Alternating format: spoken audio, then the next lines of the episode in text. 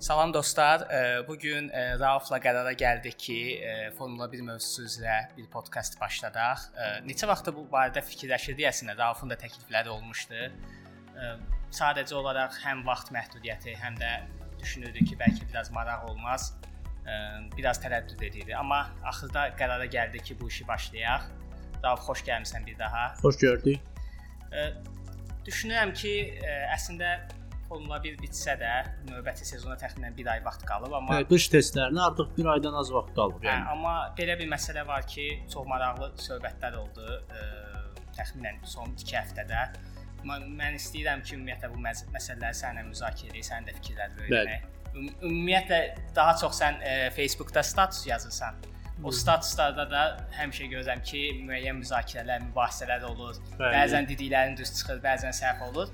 Ümumən istəyərdim birinci gəl başlayaq 2021 sezonuna. Qəbul eləmək lazımdır ki, neçə illərdir belə bir sezon izləmirdik. Bəli, hardasa sona qədər şey necə gəldi heç bilmədik.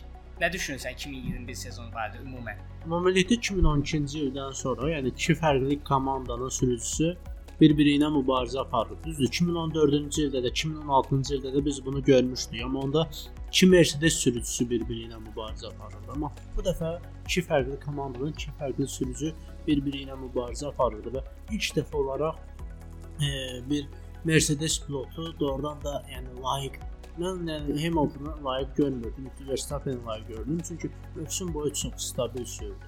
Yəni bitirdiyi bütün yarışlarda ən az ikinci yeri tutmuşdu.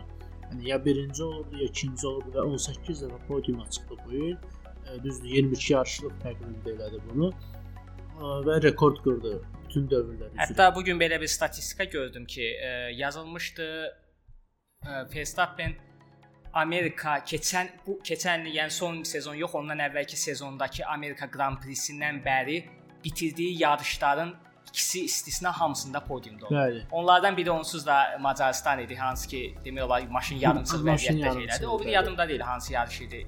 3-dən daha aşağı oldu. Səhv eləmirəmsə o 2020-ci ildə baş verib o yarış. Yəni 2021-də Macaristan istisna bitirdiyi yarışlarda şey olmayıb da. Yox, yox, bütün yarışları bitirir. Podium alıb, podium yəni bitirdiklərində Macaristan istisna podium. Hə, çox maraqlı, çox güclü bir statistikadır həqiqətən. Səncə burada maşın faktoru da öz rolunu oynayırmı, yoxsa artıq Verstappen öz-özünü inkişaf etdirib demək olarmı? Çünki yox. yadındadırsa 2015, 16, 17 Yəni Verstappen həmişə belə deyək də çox sürətli olub, amma dəhşətli dərəcədə çoxlu səhvləri ilə həm özü səhv edib, həm məsələn neçə dənə e, digər Rəqibi. digər rəqiblərinin e, yarışını məhv eləməyi ilə yadda qalmışdı. Nə düşünürsən? Yox, təbii ki, onda özü də cavan idi. 17 yaşında idi buna gəlmişdi və e, 17 yaşlı adamdan indi 25 yaşlı adamın düşüncəsi bir deyil. Hətta 25 yaşlı adamın 30 yaşlı adamın düşüncəsi, yəni bir deyil. İnsan getdikcə yetkinləşir. Məsəl üçün sən məni 10 ildir tanıyırsan da. Yəni 10 il əvvəlki Raufdan indiki Rauf bir deyil yəni xarakter cəhətdən. Yəni o da getdikcə böyüdü, püxtələşdi, öz səhvlərindən dərs çıxartdı və artıq yavaş-yavaş hər tərəfli pilot olmağa başlayır. Düzdür, hələ də tam pilot deyil məncə. Hələ o o hələ inkişaf edəcək və məncə 30 yaşına gələndə o əsl bir canavar olacaq, əsl makina olacaq. Əla. Görək, görək nə olur. Yəni Lewis Hamilton necə ki o maşın olmağa 35 yaşdan, 33 yaşdan sonra başladı. 2016-cı ildən sonra məncə əsl belə maşın olmağa başladı. O daha tez başlayacaq. Amma qəbul eləmək lazımdır ki, Hamilton 2007-də komandaya gələndə canavar kimi idi. Bəli. Səhvləri də az idi, amma e, Verstappen səhvi çox olan sürücüdür. Yəni e, belə deyək, yarış insidentlərində demək olar ki, 80%də günahkar olur, amma Hamilton Bəli düzdür, ilk başlayanda mənim yadımdadır ki, təkər menecmenti çox bərbad olan bir ə, sürücü idi. Onu öz üzərində işlədi. İndi demək olar ki, məncə griddə ən yaxşı, ən yaxşı təkər menecmenti. Yəni bu da ən önəmli faktordur xal qazanmaq üçün. Amma yadımdadır ki, yəni 2007-dən düzdür, təbii ki, orada güclü bir komandaya gəlmişdi birdən-birə. Amma rəqibi Alonso idi. E, təbii ki, o, o məsələni də bir dəfə müzakirə eləyərik. O da 2007 sezonu da maraqlı bir sezondur. Orada təkər məsələsi, Alonsonun ə, e, əyləc ə, e, istifadə eləməsi məsələsi. Bu məsələlər müzakirə komandanı satması. Komandanın da o belə biabırçılıq olması, Bəli. yəni bu da ayrı bir məncə müzakirə mövzusudur. Keçək Abu Dhabi yarışına. Ə, çox adamlar, yəni tarixdə bəlkə də həmişə belə bir controversial deyə ingiliscə ilə yadda qalan, sensasiya ilə yadda qalan bir yarış idi. Çox adamlar hətta biraz da emosional dedilər ki, ə, Hamiltonın çempionluğunu əlindən aldılar. Sən nə düşünürsən bu barədə? Yəni bax, qəbul eləmək lazımdır ki, qaydalarla bağlı çox ciddi problem var. Bəli, çox ciddi hə, problem. Mən şəxsən mənim düşüncəm ondan ibarətdir ki, düzdür. Burada qayda pozuntusu var idi, amma bu qayda pozuntusunu elə bil ki, hakimlər sırf sezonu balanslaşdırmaq üçün o sezon boyunca Verstappenin belə deyək də başına gələn ədalətsizliyi biraz o sığortalamaq üçün, biraz onun üstünü örtmək üçün elədilər. Amma sırf qayda faktorundan götürəndə qəbul eləmək lazımdır ki, məncə qaydalar pozulmuşdu. Yəni sırf qaydalar Təbii açıq ki. şəkildə Ceyn xeyrinə pozulmuşdu. Verstappen. Təbii ki, orada qaydalar pozuldu. Çünki məsəl üçün orada ə, əslində orada ən ədalətli qərar ə, qırmızı bayraq olardı. Yəni Latifinin qəzasından sonra. Çünki doğrudan da bir döngə demək olar bağlanmışdı. Artıq trasa e, qırıntılar tökülmüşdü. Başqa vaxt nə bilim adi bir çınqıllığa maşın çıxanda qırmızı bayraq çıxardan FIA, daha doğrusu Michael Masi bu dəfə yarışı davam etdirmək qərarına gəldi və o nə qərar idi mən hələ də anlamış deyiləm. Hətta təzə təkər taxardı hər ikisi də yenidən bir start verərdilər və 3 dövrəli bir sprint yarışı da izləyə bilərdik biz orada. Bəlkə də restartda Verstappen onu keçərdi, yerini qoruyardı. Nə düşünürsən? Səncə elə bir ssenari olsaydı Verstappen keçə bilərdi. Çünki 2 dəfə təxminən ona bənzər bir şey oldu. Gördük ki, Verstappen bacarmadı son yarışda. Təbii ki, orada maşın faktoru da yəqin ki var idi. Biz heç vaxt deyə bilmərik ki, Verstappen zəif xarakter bağışladı, təsir bağışladı. Amma faktiki olaraq ə, son 3 dövrəyə, 2 dövrəyə qədər demək olar ki, artıq ümidimizi üzmüşdük ki, bəli, çempionat getdi. getdi bəli. Daha doğrusu Sim Hamilton çempion oldu. Yəni, yəni ümidini ezməmişdi. Yəni daha doğrusu Yox, təbii ki, hamı istəyirdi. Məsələn, mən Hamilton fanatı deyiləm, Verstappen fanatı deyiləm. Amma yenilik yəni, istəyir, insanlar insan, yenilik istəyir. Təbii ki, bir də ə, son yarışın da elə maraqlı keçməsini istəyirdilər Bəli. insanlar. Yəni belə deyək də, ə, son çempionatda son bərabər xalla girirlər, amma yarışda tutaq ki, Hamilton 30-40 saniyə fərqlə elə birdə başlayıb birdə bitirsə, bu maraqsız bitmə kimi bir şey ə, görünür.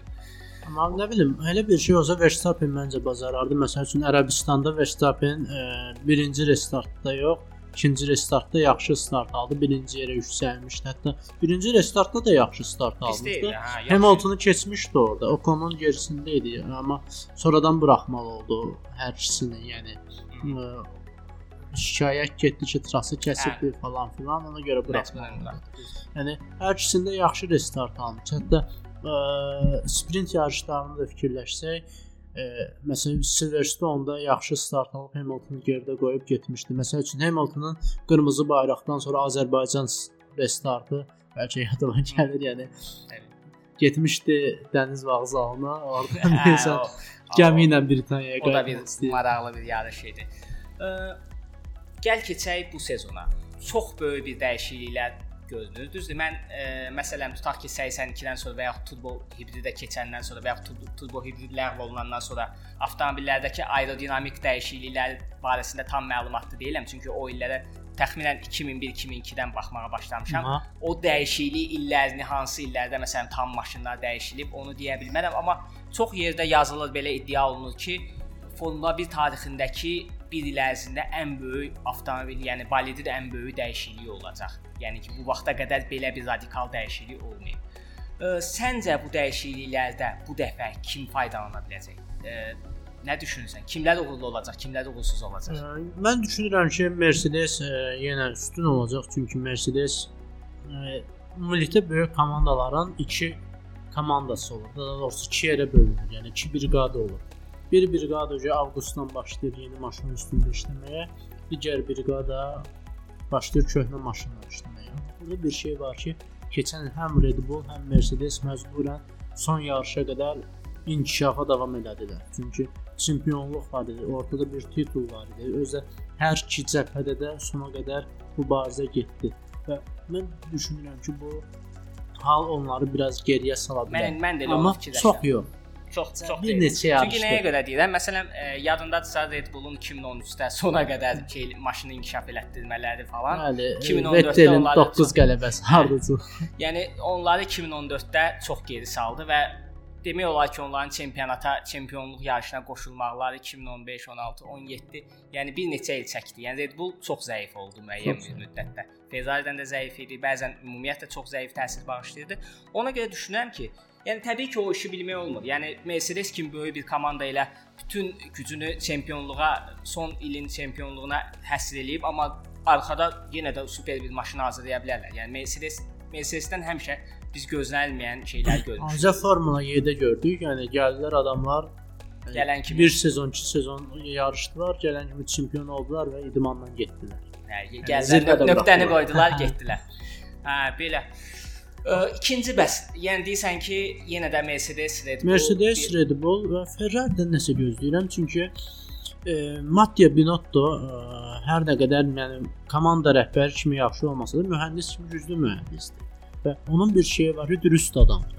Yəni yalandan durub siyasəti yoxdur adam, politika yoxdur adamda və məncə ən böyük səhvi odur. Bəlkə də o politikası olmadığı üçün motor qalmaqalları üzə çıxdı 2019-cu ildə. Orada bəlkə də başqa bir rəhbər olsaydı, məsəl üçün Rose Brown olsaydı, bəlkə də bəlkə də DAS kimi razılaşdırıb orada şey eləyərdi, söhbəti bağlayardılar. Ən azından belə bir vəziyyətə gəlməzdi. Amma bu adam bütün komandalardan elə bir şey yaratdı ki, yəni bütün komanda rəhbərlərin özünə düşmən elədi. Yəni Toto Wolff əvvəllər Ferrari-yə çox hücum eləməyən adam başladı Binotto ilə Binotto gələndən sonra da Ferrari hücumlar eləməyə başladı. Yəni artıq başqa Gələn gələn Ferrari ilə belə deyək, məzələnir. Hə, keçən dəfə də ki Newey deyəsən ya ya Newey idi, hətta şeylə Leclerc-lə deyəsən tənqid elədi ki, hə Sainz gəlib. Yox, yox, şey, Marko. Mar hə, Marko idi. Dedi ki, e, Sainz gəlib, hə, Sainz komandaya gələndən sonra e, Leclerc-in bir balon olduğu ortaya çıxırdı. Yəni məncə o sadəcə komandada indidən bir şey ya, nifaq yaradır. Nifaq yaradır. Xoşlayır bu belə şeyləri. Hə, bəli, yəni, bəli, bəli, bu xoşlayır məncə. Amma Horner keçən dəfə demişdi ki, yəni Ferrari-yə qarşı ümumilikdə, yəni hələ ciddi heç bir komanda sanksiya eləmir. Məsəl üçün Azə Dominikali vaxtında belə Horner deyir ki, biz Dominikali kimi bir e, centlmenlə rəqib idik. Yəni ona görə də yəni yenə deyirəm, Binot da sırf mühəndisdir, yəni. O deyirlər, əskər kimi adam. Hə, yəni Rusların o, bir sözü var. Zavada salasan otursun işləsin. Bəli. Hə, şey kimi, Horner kimi, Wolf kimi ortalıqda gəzir. Arbebene hə, kimi, hə, yəni. Onlar Arbebene kimi də onlar yəni artıq politikdir. Yəni şey idarəçidir, CEO-dur.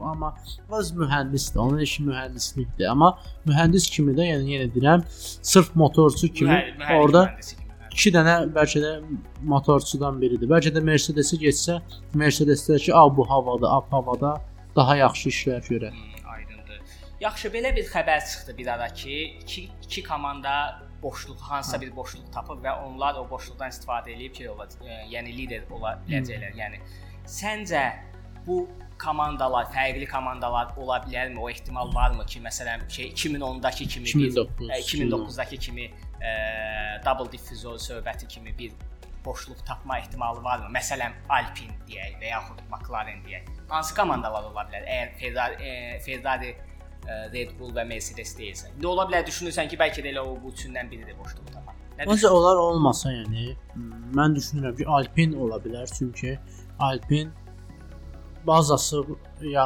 ya bazasını yenidən düzəltdi, hər şeyi yenidən qurdu və McLaren-dən də mən inkişaf gözləyirəm. Çünki McLaren də boş durmadı. Zaydol gələndən sonra o Ron Dennis boş yerə binalar tikmişdi orada. Yəni o binaların hamısını satdırdı. Hmm. On başladı ondan sonra bazı normal belə balid yığmaq üçün baza düzəltdirmə. Yəni yeni aerodinamik boru yığdırdı, yeni motor ə, e, bölməsi yığdırdı. Hər şey, daha doğrusu motor bölməsinə ehtiyac var. Yəni digər bölmələri daha yaxşı hala gətirdi. Düşünürsən ki, e, McLaren eləyə bilər. Yəni McLaren inanıram və bir də Alpine inanıram.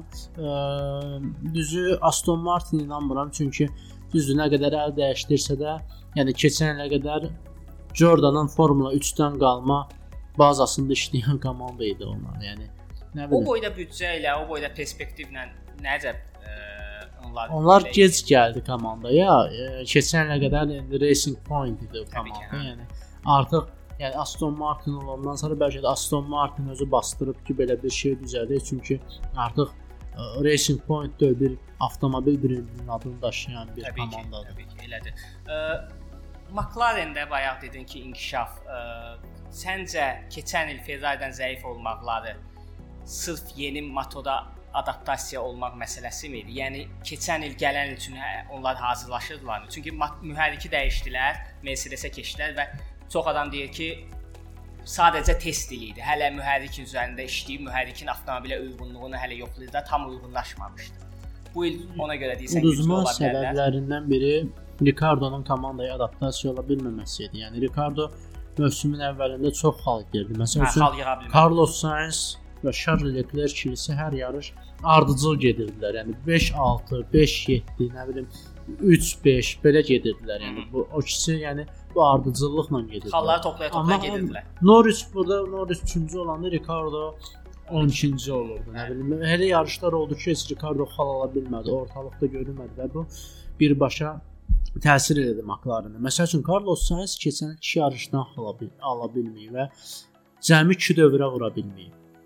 Çox böyük Təbii ki, stabillik stabillik mənim çox xoşuma gəlir. Yəni çox vaxt deyirlər ki, Formula 1-də hə belə Senna kimi sürət lazımdır, belə lazım, amma nəticədə çox xal toplayan qalib olur. Yəni Bəli. bunu dəfələrlə görmüşük. İnsanlar sadəcə şou xoşdur. bəli, orası elədir. Onu da o insanlar da başa düşmək olar yəni. İnsanlar yəni normal maşın sürəni yəni küçədə görürük də, yəni küçədə sürürlər. Yəni artıq yarışda amma hamı istəyir ötmə eləyən bir sürü izləyirsən. Düzdür. Hətta mən ona görə düşünürəm ki, açığı e, Leclerc time menecmenti, yəni təkər qorumağını inkişaf etdirməsə və müəyyən yenə də arada səhvlər etsə, Sainz məncə yenə də çox xal yığa bilər. Yəni ilk gəldiyi ilk sezonda bu qədər gözəl bir performans Bəli. göstərməyin açıq gö gözləmirəm. Mən düşünürdüm ki, yəni 20-30 xal az yığacaq. Düz deyil, indi Leclerc'in bəxti gətirmədiyi faktor amillər də oldu. Yenə daha çox xal yığa bilərdi, amma istənilən halda Sainzin performansı hamını razı çalacaq vəziyyətdə idi. Hətta Ferrari belə gözləmirdi ki, bu Bəli, qədər birdən-birə gözləmirdi. yaxşı adaptasiya olacaq. Çox tez adaptasiya olundu və ə,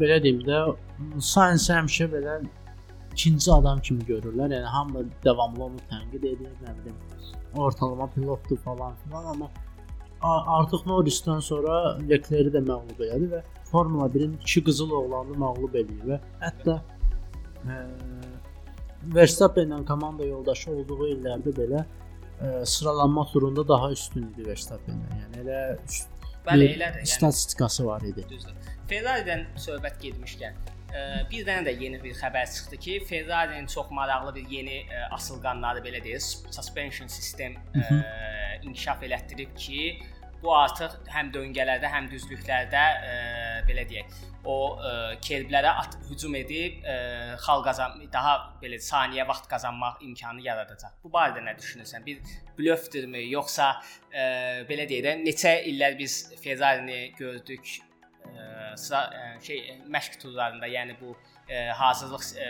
ön, ə, sezon öncəsi testlərdə çox sürətli şəkildə görürdük, amma sonradan gördük ki, yox, bu elə yalandan bir qaz imiş. Yəni sponsorlar üçün bir şou imiş. Hə, nə düşünürsən? Yəni səncə Ferrari-nin yeni asıl qanunları fərqli bir effekt yarada bilərmi? Belə deyim də ə, Ferrari 2009-cu il, istər 2014-cü ildəki yeniliklərə çox gec uyğunlaşdı. Hətta 2014-cü ildəki maşın o vəziyyətdə idi ki, yəni hal-hazırda mən ə, Fernando Alonso'nun ərdən onboardlarına baxıram elə bir dəhşətli bir şeydir. Adam adam özü əsəbləşir.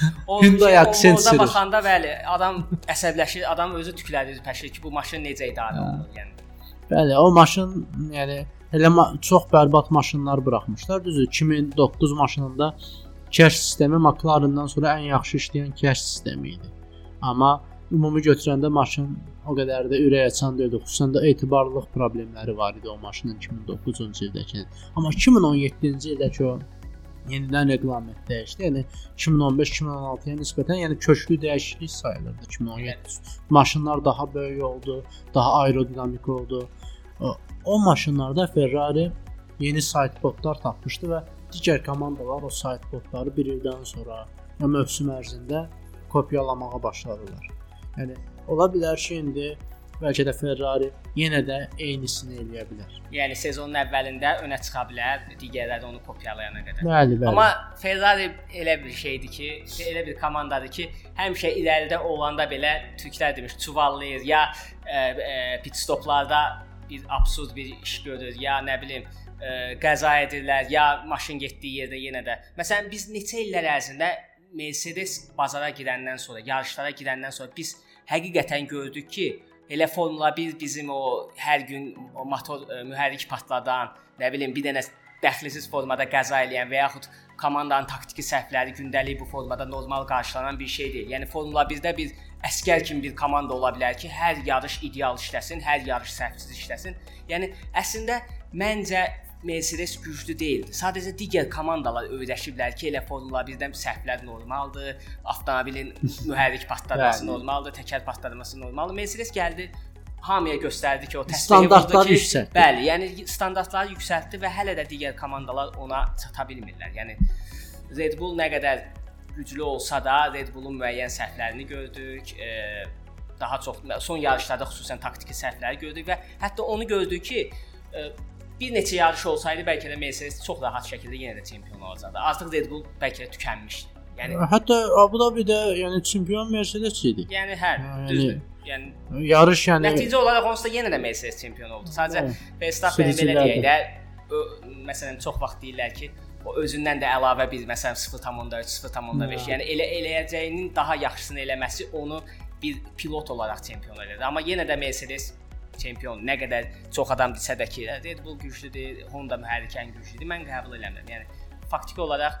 sezonda yəni bə bəzi bu dəfə Mercedesin də müəyyən şeylərdə bəxti gətirmədiyi yarışlar olmuşdu. Xüsusən Bottas dəhşətli dərəcədə çox yarışlarda hal ala bilmədi. Yəni çox qeyri-stabil sürdü. Ferrari ilə davam eləyək elə Jean Todt söhbəti. Jean Todt. Bəli, ə, belə deyək, aktual idi. Amma nə düşünürsən? E, yəni birdən-birə aktuallaşdı. Dedilər ki, komandaya gəlir. Təxminən şey kimi də bir e, Mercedes-dəki bir advisory e, bir Lauda. Kimi, Lauda kimi, Lauda-nın əvəzinə. Marko kimi, Lauda Todd, kimi. Todd bir əfsanədir. Yəni e, Ferrari-nin indiki uğurlarında rolu olub şeylə e, Brownla birlikdə. Niyə necə oldu bu hadisə aktuallaşdı? Necə oldu? Burdan yəni belə deyək də bir anda söndü bu söhbət. Onun gəlməyini son anda John Elkan istəmədi. Yəni şirkətin rəhbəri. Nə düşünürsən? Niyə istəmir? Yəni belə bir insanla onun ədavəti mi var? Bəlkə də artıq ə, fikirləşir ki, qocalıbdı, yaşlı bir kadrdır. Bəlkə də fikirləşir. Neçə yaşı var idi məsələn? Gör nə, nə qədər o Hamiltona dəstək olurdu bir şey kimi, bir ağsaqqal kimi. Amma Marco Marco lap qocalı. Marco, yəni. bəli, Marco özü. Ferrari-dir indi. həmişə qanqarasını salır. Həmişə nəsə bir səhv eləməlidir. Amma bəlkə də nə bilim Ferrari elə bir yerdir ki, bəlkə də istəmirlər ki, kimsə onların önünə keçsin. Məsəl üçün mən o vaxtı bəzi yerlərdə oxuyurdum ki, həm Jean Todt olsun, istər Jean Todt olsun, istər Ross Brown olsun, rəhbərliklə həmişə gedib bir şən adamlar olublar. Məsəl üçün Montezemellonun otağına girib hətta deyirlər Ross Brown əlini stula çırpdığı olubdu. Yəni bəlkə də elə adamları istəmirlər. Bəlkə də Rose Brown, Rose Brown yox, Jean Todt ona bəzi şərtlər qoyub ki, bax bunlar olmalıdır, bunlar olmalıdır, bunlar olmalıdır. Mən onda gələcəm. Bəlkə də görüblər ki, yox, o şərait bunlara sərf eləmir. Deyirlər ki, yox, istəmirik səndən işləmək. Ola bilər. Ola bilər. Məsələn, Rory Byrne artıq 100 yaş olacaq insana. yəni komanda elə də ondan işləyir, amma məncə yaş məsələsi deyil abi doğrudan da. Bəlkə də Jean Totun bəzi istəkləri olubdu, bəzi tələbləri olubdu. Onları da qəbul eləməyib və artıq ə, burada necə deyirlər, ortaqlıq bitib. Fikir ayrılığı demişkən elə keçək Alpinə. Alpində də buna bənzər bir şey baş verdi. Prost birdən-birə e, Instagramda bir e, izah edici bir şey yazdı ki, mən belə bir mədəniyyətsiz bir hərəkət, kobud bir hərəkət gözləməzdim. Həqiqətən bu da sensasiya doğuracaq bir məsələ idi. Burada nə düşünürsən? Yenə də Alonso'nun rolu varmı? Alonso hara gedir, aləmi qatır bir-birinə. Alonso-luq deyildi. Hətta özü də dedi ki, yəni Alonso ilə mənim ədavətim yoxdur. Problem tam Loren Rossi ilədir. Loren Rossini də anlaya bilərəm. Yəni adam gəldi, gördü ki, yəni 2015-dən komanda gəlmişdi. Heç bir uğuru yox idi. İlk podiumlarını hətta keçən Ricardo ilə qazanmışdılar, yəni uzun müddətdən sonra. Gördük ki, yəni bunlar bunlar artıq yəni bizim dildə bir söz var da qızqırıb. Yəni, əvvəlcə Abdəbulu göndərdi, sonra özü də deyir ki, hətta prost deyir ki, o köhnə heyətdən heç kimi komandada görmək istəmirdi. Butkovskini göndərdi, sonra da gö ardınca Prostu da göndərdi. Hətta Prost deyir ki, məni saxlamaq istədi komandada. Sadəcə deyir mənim sözümə qulaq asmırdılar deyənə mən özüm çıxdım getdim orada. Əslində bir məsələni də deyim, yəni şəxsi fikrimdir. Prost nə qədər ə, belə deyək də bir yarışçı kimi, bir pilot kimi çox uğurlu olsa da, onun idarəçi kimi sıfır. İdarəçi kimi karyerası, yəni Prost timi öz timində bəli, yəni çox bəli, bərbad bir, çox ə, yəni onun CV-si çox bərbaddır, yəni bəli. idarəçilik sahəsində istəyir menecerlik olsun, istəyir yəni direktor kimi. Yəni sahədə yəni Alpine əslində haqq qazandıram. Düzdür, simvolik olaraq təbii ki, Prost kimi bir əfsanənin Alpin komandasının, yəni belə deyək də, qarajında olması təbii ki. Renault-un əfsanəsidir, yəni. Bəli. Adam Renault-un yəni iki əfsanəsindən biridir. Biri odur, digəri Fernando Alonso'dur. Amma orada olmalı idi. Amma sən demiş, yəni 90-cı illərdə Prost komandası çox bərbad vəziyyətdə idi. Yəni Peugeot böyük pullar yatırırdı. Hətta. Peugeot ilə hətta deyirlər ki, arası dəyib ondan sonra, yəni Prostla Peugeot-un arası dəymişdi ondan. Əlbəttə o boyda ə, e, xərclərdən sonra, yəni belə bir şey olsa. Məsələn, amma bir şey də var ki, o vaxtlar Lauda-da 90-cı illərdə Ferrari də məsləhətçi idi. Uğursuz alınmışdı. Sonra getdi Jaguar-a, orada da uğursuz alınmışdı. Amma, amma Mercedes-də Mercedes-ə gələndə yəni mən fikirləşirdim ki, artıq Prost da yaşlanıbdı, artıq bəlkə də artıq özünü düzəldibdi, amma yox. Gördük ki, çox passiv qalırdı. Hətta o o pozisiyada, o yəni pozisiyada da deyək. O pozisiyada ə, Prosta Prost yox, ə, Markoya baxıram. O pozisiyada Laudaya baxıram, sonra da Prosta baxıram. Çox sakit adamdır. Yəni o yerin adamı deyil. O yerin adamı yeri gələndə gedə mətbuatda elə açıqlamalar versin ki, digər komandalara belə titrətsin. Hə, əsəbin pozsun, onların konsentrasiyonunu pozsun, amma bunda o yox. Məsələn Marko davamlı açıqlamalar verib Toto Wolff-u dəli eləyirdi. Lauda, Lauda bəlkə də o yaşasaydı çempion Hamilton olardı. Bəlkə də, ola bilər, düzdür. Düzdür. Bir də Briatore faktoru da var idi. Yəni onun da adını çəkdilər ki, komandaya gələ bilər. Nə düşünsən? Nə vaxtsa geri qayıdacaqmı? Məncə Briatore bir dəfə açıqlamasında demişdi ki, artıq mən əmr alan adam deyiləm, mən ancaq indidən sonra əmr verirəm. Yəni Yox, əmr verəcək bir pozisiyanı pozisiyaya onu gətirərlərmi? Yox, o o prezident olmaq istəyirdi sonra. Yəni o vaxt elə Formula 1-də Roz Brown onu bir vəzifəyə gətirmək istəyirdi. Açıqlama verdi ki, mən əmr alan deyiləm. Mən əmr verərəm. Yəni məni gətirirsiniz Amma, ora prezident amma gətirir. bir məsələ də var ki, qəbul eləmək lazımdır ki, elə skandallarda adı qalan bir insanın Formula 1-ə gəlib bir şey olması, yəni, prezident bir olması, deyil, iki deyil, yəni, üç deyil, yəni, yəni, yəni. Son olaraq ə, e, əslində bunu ilk danışmaq olardı, amma mən bu söhbəti biraz ə, e, ucuz bir söhbət fikri, yəni düşük bir söhbət olaraq qəbul eləyəm deyə sona saxladım. Hamiltondan danışaq. Neçə vaxtdır səsi çıxmır, ə, e, sakitdir. Çox adamlar deyirlər, bəs depressiyadadır, ya yaxud düşünür, nə edir? Nə düşünsən? Davam eləyəcək ya yox? Təbii ki, davam eləyəcək. Artıq yəni yanvarın artıq 27-sidir. Artıq bütün sponsorlar hazırdır sezona. Hər şey hazırdır. Yəni indidən sonra o çıxıb desə ki, mən gedirəm, artıq təzədən pilot bazarı bir-birinə qarşı. Yəni Rosberg kimi deyə bilməz, gözlənilməyən bir anda. Rosberg, Rosberg əvvəldə demişdi. Rosberg yəni dekabrın deyəndə dekabrın 6-sı idi elə.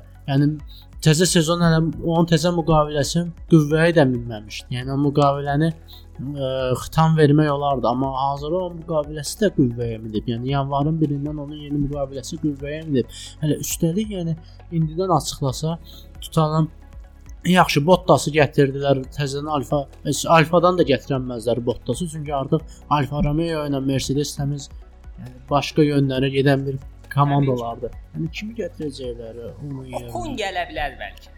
Yazıq yalvar, neçə illər gözlədi. Amma bir şey də var ya, iki gənc pilotla birdən və təzə reqlamentə başlamaq da özü böyük bir risk daxil. Plus Alpin verərmi onu? İndiki Vettel. Vettel yaxşıdır amma Vettel Vettel qaça-qaça gedir. Qaça-qaça gedir. Qaça-qaça gedir. Qaça-qaça gedər. Hətta Mercedes üçün də pis deyil əslində. Çünki Alman çox təcrübəlidir, Almandır. Ə, hamı ilə ə, belə deyək, dil tapa bilən, hə. komandanı inkişaf elətdirir, maşın inkişafında pozitiv feedback var. Yəni ola bilər, amma sadəcə məsələ odur ki, məncə Hamilton show eləyir. Həmişəki kimi uzadıb. Bir şey də deyim, Vettel Hamilton deyil adam var. Yəni həm Vettel müəyyən qədər tükənibdi, yəni. Yəni mən Russell hətta mən fikirləşirəm ki, onu yəni bir 60-70 xal fərq ata bilər yəni. Ola da bilər, amma istənilən halda Mercedes-ə sərf edən ə, Vettelin çempionluğu deyil. Sadəcə komandaya Nə, yaxşı maşını inkişaf elətdirmək üçün Vetteli gətirə bilər. Hətta azarkeş qazandırmaq, nə bilim, merchandise məhsulların 100%, satışı. 100%. Bəli. Amma yenə deyirəm, indidən sonra ə, yaxşı Vettel gəldi deyə Mercedes-ə, onda Hülkenberg-i də As Aston Martin də Hülkenberg-i gətirəcək onda. Hülkenberg. Hə. Çünki onsuz test pilotdur, yəni təzə maşını tanıyır. Elədir. Təşəkkür edirəm Rauf. Gözəl söhbət idi. Məncə Məncə ə, təxminən 1-2 həftəyə, 3 həftəyə yenə maraqlı mövzular olacaq. Hətta testlər başlayır, testlər başlayacaq, təqdimatlar olacaq. Təqdimatlar olacaq, müəyyən şeylər ortaya çıxacaq. Yenə görüşüb yəqin ki danışacağıq. Çox sağ olun. Növbəti görüşlərə qədər. Sağ olun.